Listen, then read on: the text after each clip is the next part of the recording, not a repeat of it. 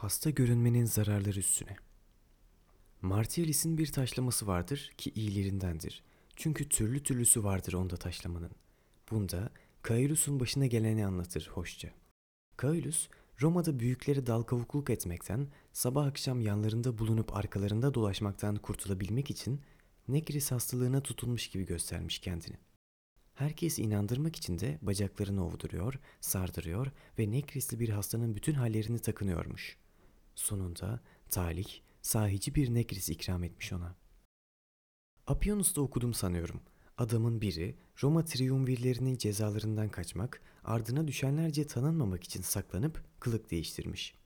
İşi daha da sağlama bağlamak için de tek gözlü gösteriyormuş kendini. Biraz daha özgür yaşamaya başlayıp da uzun süre gözüne yapışık kalan bezi çıkarınca bakmış, o gözü görmüyor artık. Belki görme duyusu uzun zaman kullanılmamakla uyuşmuş ve tüm görme gücü öteki göze geçmiştir. Çünkü hep farkına varmışlardır. Kapalı tuttuğumuz göz etkisinin bir kısmını arkadaşına yollar. Bu yüzden de açık kalan göz büyür ve şişkinleşir.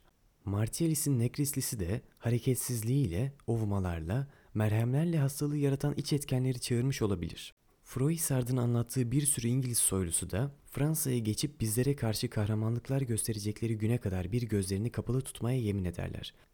Şu düşünce gıdıkladı beni. İster misin bu şövalyeler de hastalık oynayanların akıbetine uğramış, uğurlarında kahramanlık ettikleri sevgililerin yanına bir gözleri kör olarak dönmüş olsunlar. Çocuklar tek gözlüleri, topalları, şaşıları ve daha başka sakatları taklit ettikleri zaman anaları onları azarlamakta haklıdır. Çünkü o yaştaki tazeliğiyle bedenin kötü bir yana eğilebilmesi bir yana, tarihte bizi oynadığımız oyuna düşürmekten hoşlanıyor gibi gelir bana. Çok duymuşumdur hastalık oynarken yataklara düşenleri. Ben de öteden beri at üstünde ve yürürken elimde bir değnek ya da bir baston tutmaya alışmış, bunda bir zariflik göstermeye, yapmacık hallerle bastona dayanmaya kadar varmışımdır. Çokları korkutmak istemiştir beni. Bu gösteriş günün birinde zorunluluk olur diye. Bundan çıkarıyorum ki soyumda ilk nekrisli ben olacağım. Ama bu bölümü uzatıp başka renk katalım ona, körlük üstüne. Plinius der ki, adamın biri düşünde kör olmuş gördü kendini ve hiçbir hastalığı yokken sabah kör olarak uyandı. Hayal gücü buna sebep olabilir. Başka yerde söylediğim gibi, Plinius da öyle düşünüyor gibidir. Akla daha uygun gelen şu, beden, görme gücünü yok eden bir takım gelişmeleri ki hekimler isterlerse nedenini bulabilirler, için için duymuş ve adamın öyle bir düş görmesine yol açmıştır. Seneca'nın bir mektubunda anlattığı buna yakın bir hikayeyi de ekleyelim. Bilirsin diye yazıyor Lucilius'a. Harpas'ta karımın soytarısı o deli kadın. Babadan kalma göreviyle kalmıştır evimde. Çünkü ben bu korkunç yaratıklara düşmanımdır. Kaldı ki canım bir deliye gülmek isterse hiç uzağa gitmeden kendi kendime gülebilirim. Çok garip ama gerçek sana anlatmak istediğim. Bu deli kadın kör olduğunu anlamıyor ve benim evimin karanlık olduğunu ileri sürerek kendisini başka yere götürmesini istiyor.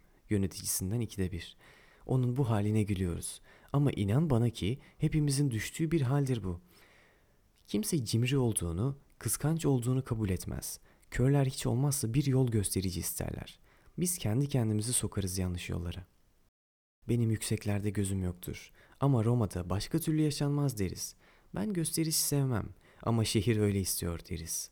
Öfkeliysem, güvenli bir hayat kuramadıysam suç bende değil, gençlikte deriz. Dışımızda aramayalım kötülüğü, içimizdedir o. Ciğerimize işlemiştir. Hasta olduğumuzu bilmemek de iyileşmemizi daha zorlaştırıyor. Kendimizi erkenden bilmeye başlamazsak nasıl baş ederiz bunca dertler, bunca kötülüklerle? Oysa felsefe gibi çok tatlı bir ilacımız da var.